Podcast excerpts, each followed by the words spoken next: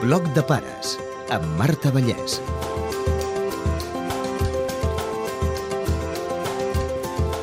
Avui parlem dels polls. N'hi ha tot l'any. Quan enxampen un cap es multipliquen i ens costa un munt fer-los fora. En parlem amb l'Alfons del Pozo, vocal de Dermofarmàcia del Col·legi Oficial de Farmacèutics de Barcelona. Què fas? Un rasco. Què tens aquí al cap? Jo que sí. Em sembla que tinc polls. Em sembla que tenim un visitant. Sí, Què farem? passar la pinta. Som-hi? Va. Vinga, va.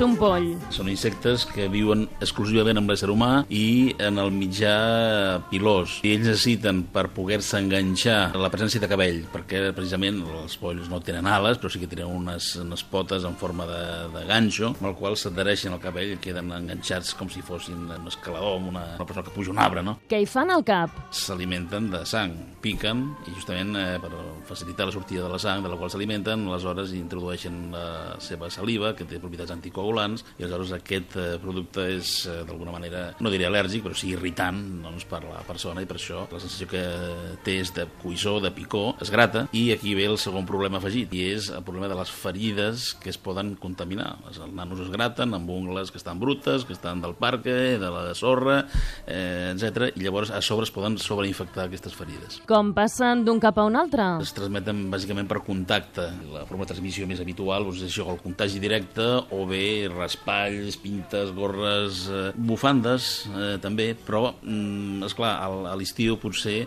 doncs, eh, hi ha més contacte físic amb les piscines i pilotes i això, i possiblement per això hi hagi alguna més, les colònies. Quina és la senyal d'alarma? Quan la lena es grata insistentment és perquè hi ha, probablement, probablement hi ha polls. Cuidado, que no, no és l'única patologia que cursa amb, amb picor. Eh? Pot ser també una urticària, una al·lèrgia algun altre eh, tipus de, de substància, no? Però el símptoma és aquest, picor a nivell capilar. Podem fer alguna cosa per evitar el contagi? Les locions i els xampús per prevenir van bé? Es desaconsella totalment l'utilització d'aquestes substàncies perquè, entre, altres coses, eh, si utilitzem aquestes substàncies poden crear resistències i aleshores quan hagin de fer el seu efecte realment potser no faran. La prevenció dels polls no existeix, quan s'han establert és llavors que hem de tractar i eh, el que hem de vigilar, això sí, és pues, revisar el cap dels nens, sobretot darrere de les orelles, el clatell, el, el serrell, eh, rentar-los amb freqüència els cabells, pentinar-los diàriament, eh, vigilar realment que quan els pentines doncs, no hi hagi la sospita que puguin haver-hi les eh, llèmenes. Contigo, quiero estar.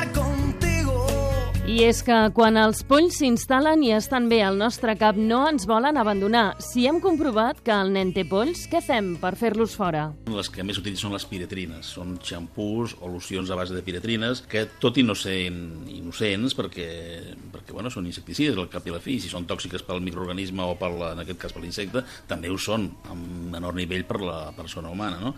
Aleshores, eh, les que són més ben tolerades actualment, les que recomanen són aquest grup de piretrines. I mm, darrerament hi ha una altra substància, que són les silicones, o concretament la dimeticona, que tot i ser una substància que té mala fama a nivell cosmètic perquè diuen que si no s'elimina totalment, realment és molt inofensiva. Les silicones aquestes utilitzen com a cremes o la formulació de cremes barreres, són hidrorepel·lents, i precisament amb aquest efecte hidrorepel·lent, amb aquest efecte cobrient de fer una capa contínua sobre la pell, doncs es basa el seu efecte. Com actua concretament la silicona amb els polls? són líquides i aleshores el que fan és tapar, evitar el moviment del poll, amb la qual tenim el poll doncs, enquistat. El poll respira per uns opèrculs que té laterals. Si els tapem amb aquesta silicona, l'ofeguem, el matem. Aleshores és una substància que no s'absorbeix, a més és molt inofensiva. Té un petit problema a nivell cosmètic, que costa de retirar, perquè és, precisament perquè és hidròfoba, s'ha de tractar després amb xampú i rentar bé, però eh, és eh, potser el, el futur dels tractaments de, dels polls. I a més molt més inocua que els, in, els insecticides convencionals. L'Albert hi ha passat algunes vegades per això i ja sap com va.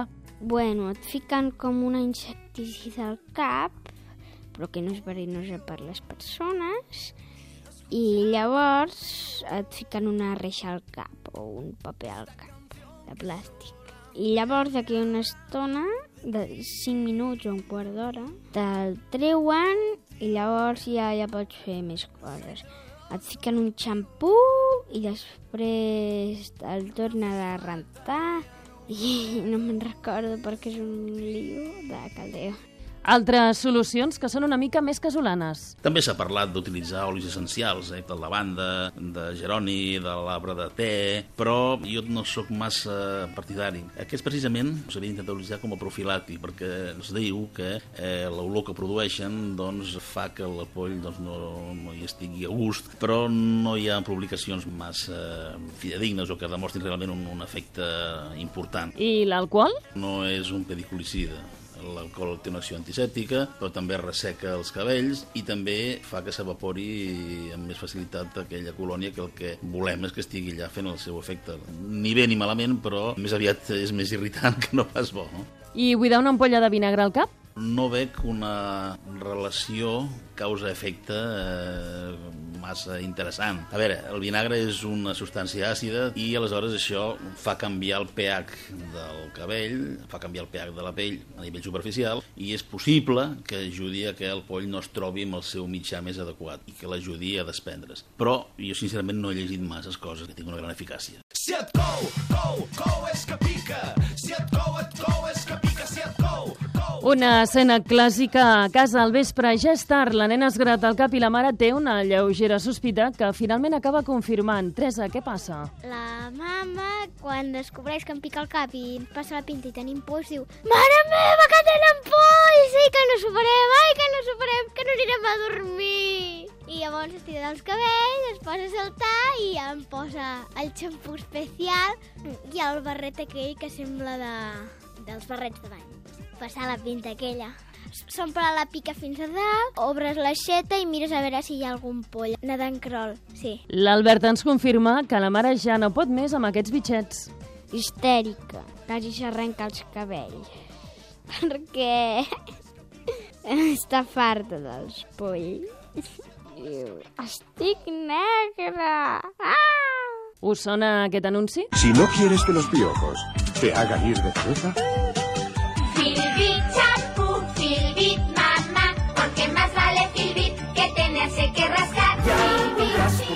l'escola, al cinema i d'excursió. És petit i molt discret. Hi ha molts dubtes que surten sovint quan parlem de polls. Es poden contagiar per l'aigua a dins la piscina? No, no, no. La transmissió dels polls és per contacte directe, eh? o bé indirecte a través de robes, bufandes, eh, gorros, eh, tovalloles, etc. Potser és per això, per les tovalloles, a lo millor que diuen que es contagi a les piscines, però no directament de l'aigua. Eh? El poll viu en un mitjà exclusivament eh, humà, eh, no solament al cap, i sabeu que hi ha altres tipus de poll també, el, el poll que s'acantona a nivell del cos i a nivell del pubis, però són menys freqüents. I els animals ens poden passar polls? El medi de vida del poll és exclusivament el humà. El que passa és que aquí es confon amb el tema de les puces, però l'hem de separar completament. Puces sí que es poden transmetre, polls no. Encara que la sintomatologia sigui relativament similar, La brutícia crida als polls? no s'ha d'associar presència de polls amb manca d'higiene, perquè la transmissió és per contacte directe, llavors un pot estar perfectament eh, net i tenir unes pautes d'higiene perfectament correctes, i en canvi, per mala sort, juntar-se o jugar o tenir contacte amb un nano que per el motiu que sigui doncs d'estar contaminat i li passi el poll. Però sovint, al fons, la gent s'amaga de dir que té polls. Fa vergonya perquè és lleig, perquè es veuen, a vegades realment un cap ple de polls fa una certa angúnia, pot inclús a vegades confondre doncs, amb caspa, caspa grassa o algun altre tipus d'infecció, tipus psoriasis, etc, perquè és que a vegades és bastant aparatosa, però no ens ha de donar vergonya perquè realment una afecció de polls tractada adequadament doncs es pot eliminar i desaparèixer. Molt curiós, per què passa que quan parlem de polls automàticament comencem a rascar-nos el cap? Som gent de costums, eh, sabem el que significa tema polls i aleshores doncs, és un reflexe. Quan parlem del que és una escala de cargol, tothom fa així amb el dit, vull dir, fa la forma del cargol. És que moltes vegades senyalem gràficament o associem una idea a allò del que estem parlant. I llavors és normal que passi això. Polls implica picor, sí, evidentment. Gratem. Recordem primeres precaucions quan detectem la presència de polls. El que s'ha de fer també per no extendre la- l'epidèmia, no? A la que detectem que hi ha polls, doncs cal cal comunicar-ho a les persones que conviuen amb el nano i comunicar-ho a l'escola. S'han de desinfectar la roba, els llençols, els raspalls, totes les joguines, eh, estores, tapissats, etc. Per fer això, doncs, es recomana, per exemple, la roba rentar-la a una temperatura relativament alta, 55 graus, eh, durant almenys 20 minuts, perquè precisament pro- provoquem la mort del, dels polls i la inactivació de les llàmenes. Després, si la roba no es pot rentar, doncs netejar amb sec o aplicar un insecticida químic en pols. Si es tracta de pintes o raspalls, doncs el mateix, rentar-les a 55 graus com a mínim durant 5 o 10 minuts o submergir-les amb la solució pediculicida. Les joguines, sobretot si són de drap, eh, una de les solucions que hi ha és posar-les dintre una bossa segellada i que no es moguin d'allà. Al cap de 24-48 hores, si no tenen l'aliment que necessiten els polls, aniran morint i les llàmenes també aniran activant-se. Evidentment, netejar el terra, l'habitació, correctament, etc. I cal aplicar sempre correctament el producte per combatre'l. Si no es fa bé, no servirà de res. Adquirir una loció antiparasitària a base de piratrines, per exemple, o a base de silicones, i seguir la instrucció que s'indiqui en els prospectes o que li hagi pogut donar doncs, el seu farmacèutic. Mullar els cabells amb la loció, no estalviar-ne ni a la zona de darrere les orelles ni al clatell. Després del temps esmentat de les instruccions del producte, doncs rentar el cabell amb xampú, tenim la silicona que els ofega, tenim les insecticides que els maten físicament i tenim els, la llamanera que físicament el que fa és retirar els ous i que doncs, redueix la, la possibilitat de supervivència de la, de la infestació. Cal que deixem el cap del nen com una bola de billar? No cal repar-lo al zero. Això era una pràctica que es feia abans, eh, però era realment un càstig. Realment el poll viu a un, dos, tres mil·límetres del cuir cabellut. Llavors, eh, si no està ben bé, ben bé el zero, però el zero, zero, no reclem el 100% el problema. Ara, quan més curt està el cabell, òbviament, menys probabilitat de que s'enganxin, lògicament. Perquè hi ha gent que té polls sovint i altres no es contagien mai. Cada cabell té un gruix, té una textura, té més o menys grassa adherida a la superfície de la cutícula capilar i llavors doncs, els polls s'enganxen més o menys fàcilment amb un tipus de cabell com un altre. Però vamos, que tots són susceptibles, eh? Uns més que d'altres potser, però tots són susceptibles. Pico, pico, pico, ja la tenim aquí. Pico, pico, pico, gratem fins a embogir. Si vols saber més coses, Podeu trobar més informació a les pàgines d'internet del Col·legi Oficial de Farmacèutics de Barcelona, cofb.net, i també farmacèuticonline.com i a la pàgina de l'Agència de Salut Pública de Barcelona. Parlar de polls fa gratar i riure, com passa també quan parlem de gasos o de rotets. Mireu si no. Tu has vist mai el mestre rascar-se? a llocs que no siguin al cap, sí. Deu tindre polls allà on no sona. Els polls no volen, però la imaginació sí, oi, Albert? Començo a rascar-me el cap. I després ens passem, ens passem aquella pinta que no deixa gaire espai i és de ferro. I allà veus coses, si hi ha polls o si no n'hi ha. Els tires a l'aigua i llavors si flota i té potetes i és rodó, doncs és un poll. un, un, el més gros que em van treure, nadava a braça.